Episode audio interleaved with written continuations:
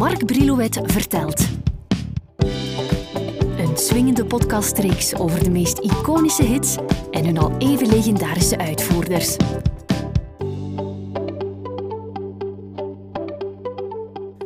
Vandaag pikken we de rode draad in het verhaal van Clouseau nog eens op. Intussen zijn we al aan onze vijfde babbel eh, toe. De vorige vier kan je nog altijd in ons podcast aanbod beluisteren. Maart 1999 is er de beurt aan een album in stereo. Ook nu weer Never Change Winning Team met Jean Blaute en Chris Wouters aan de knoppen. De vaste bende wordt ingehuurd om hen te begeleiden. Ook al zit Koen te snakken naar enkele up-tempo nummers, omdat Clouseau erg vaak aan ballads wordt gelinkt, toch wordt er opnieuw gekozen voor een traag nummer om dit album in de kijker te zetten. En wat voor een nummer. Have I Told You Lately van Van Morrison. Door de bank raak je niet aan zo'n klassieker van formaat, maar Koen zag het wel zitten om er textueel zijn tanden in te zetten. Achteraf lijkt het allemaal simpel, maar de tekst afwerken was nog niet meteen de makkelijkste klus. We hebben ook tot heel laat getwijfeld, komt het erop ja of nee? Alles hing af van die tekst. Je wil zo'n nummer, het is al gevaarlijk om eraan te komen. Je wil het dan zeker niet op de plaats zetten als je niet 100% van overtuigd bent. Het is een goede tekst.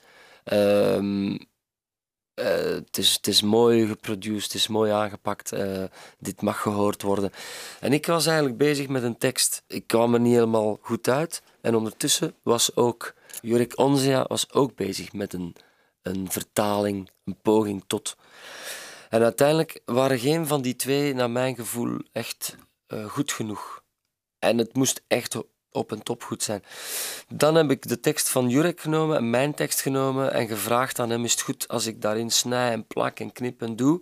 En uiteindelijk heb ik kort voor we het moesten gaan inzingen, ik denk zelfs als ik me goed herinner, nog de dag zelf, heb ik die tekst eigenlijk afgekregen door onze twee teksten samen te brengen. De sleutelzin, namelijk de eerste zin, die is pas de dag zelf gevallen.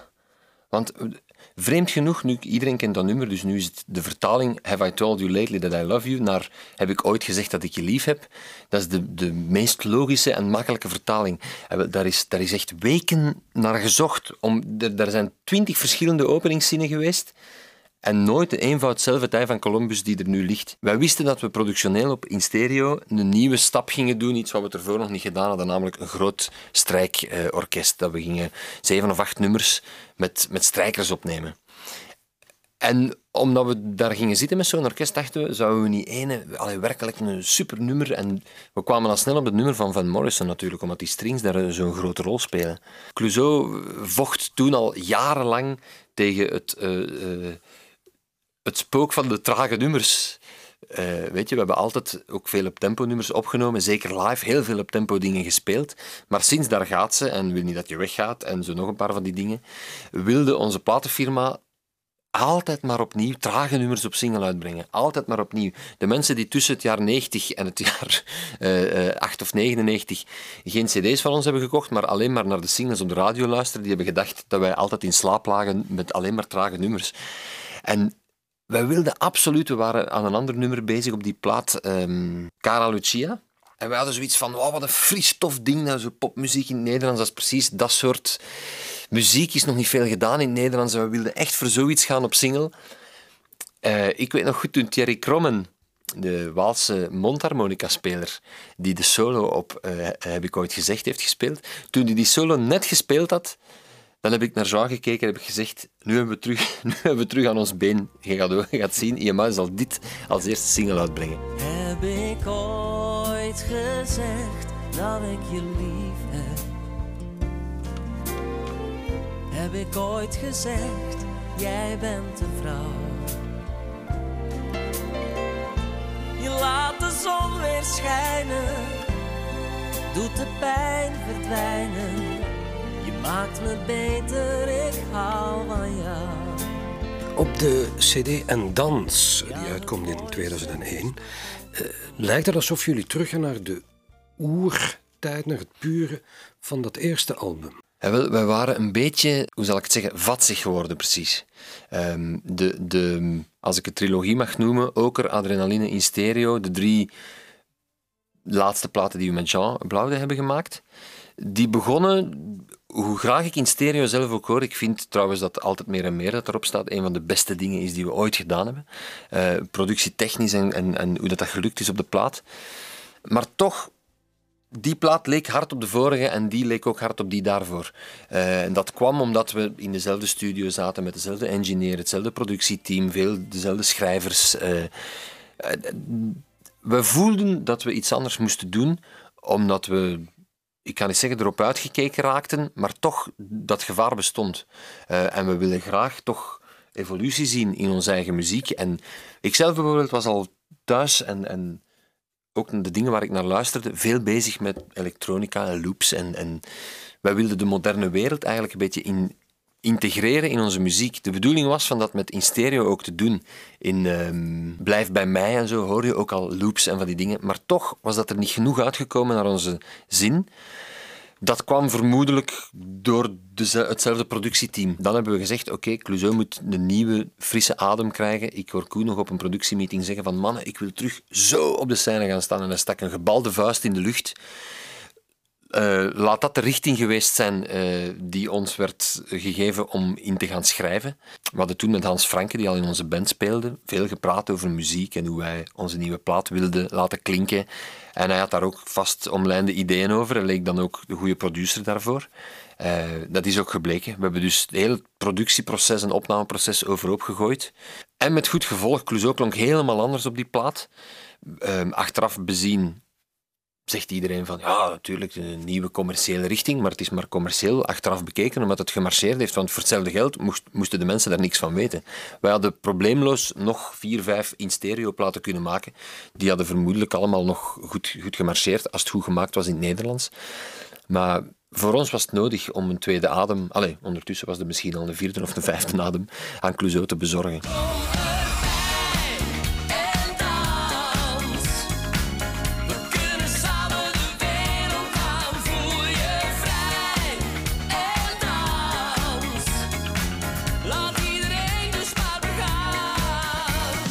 Voor mij was het ook een beetje erop of eronder toch qua plaat. Ik was dat traag beu. Ik, ik had zin ook om op sommige nummers, daarvoor niet allemaal, maar toch op sommige nummers van de plaat echt iets, iets te vertellen. Niet om boodschapperig te zijn, maar, maar toch, ik wilde geen non-dingetjes nog op de plaat. Ook niet qua tekst. Dus um, het was een belangrijke plaat, want ik denk dat die niet zo goed geweest en niet zo uitgedraaid dat wij er extra energie van kregen dan was het vermoedelijk, uh, wat mij betreft, toch wellicht onze laatste plaat geweest. Zo'n album maakt het makkelijker om die sound ook on stage te brengen. En wat on stage gebeurt tegenwoordig is, om het maar eens in het Engels te noemen, beyond reality. Want qua verkoop, dat is weer bijna een Clouseau-mania. Als je naar Sportpaleis kijkt, dat is hallucinant. Daar staan wij zelf met open mond naar te kijken. Ze hebben ons al honderd keer om een verklaring daarvoor gevraagd. En we doen altijd wel ons best om een aantal dingen te zeggen. Maar eigenlijk staan we er gewoon met open mond naar te kijken. Ik mag graag denken dat het feit waar we het net over hadden, dat we doorheen al die jaren altijd heel veel aandacht hebben gestoken in, in het verzorgen van ons optreden, qua geluid en qua licht. We hebben het opgebouwd. We waren al een aantal jaar af en toe te gast uh, in, uh, bij de Night of the Proms. Uh, de Proms in Sportpaleis, dat betekent dat je daar soort ofwel verrassingsgast bent, ofwel...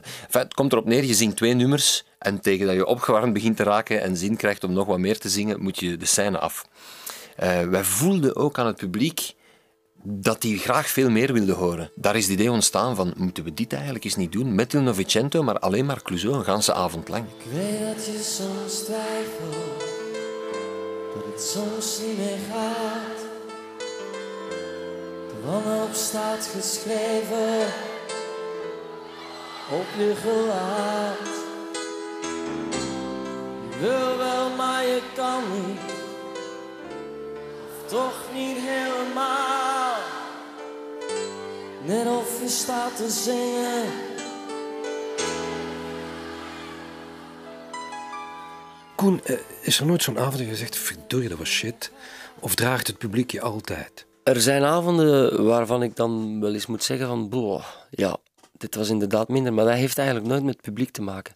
Dat heeft dan te maken met omstandigheden zoals ik ben niet goed bij stem, wat verschrikkelijk is. Ik ga echt niet graag op het podium als ik te beperkt ben, als ik voel dat ik maar 70% aan kan van wat ik eigenlijk zou moeten kunnen. Zeer, zeer, zeer zelden gebeurt het nog eens dat de klank niet goed is en dat dat echt zo je, optreden overschaduwt. Maar dat is, bij manier van spreken, zijn dat twee optredens van een hele tournee. Maar doorgaans is het gewoon één, één groot feest, moet ik toch zeggen. We staan daar op het podium met waanzinnig goede muzikanten, die eigenlijk op die moment gewoon een Clouseau-groepslid zijn. Uh, dat is één bende.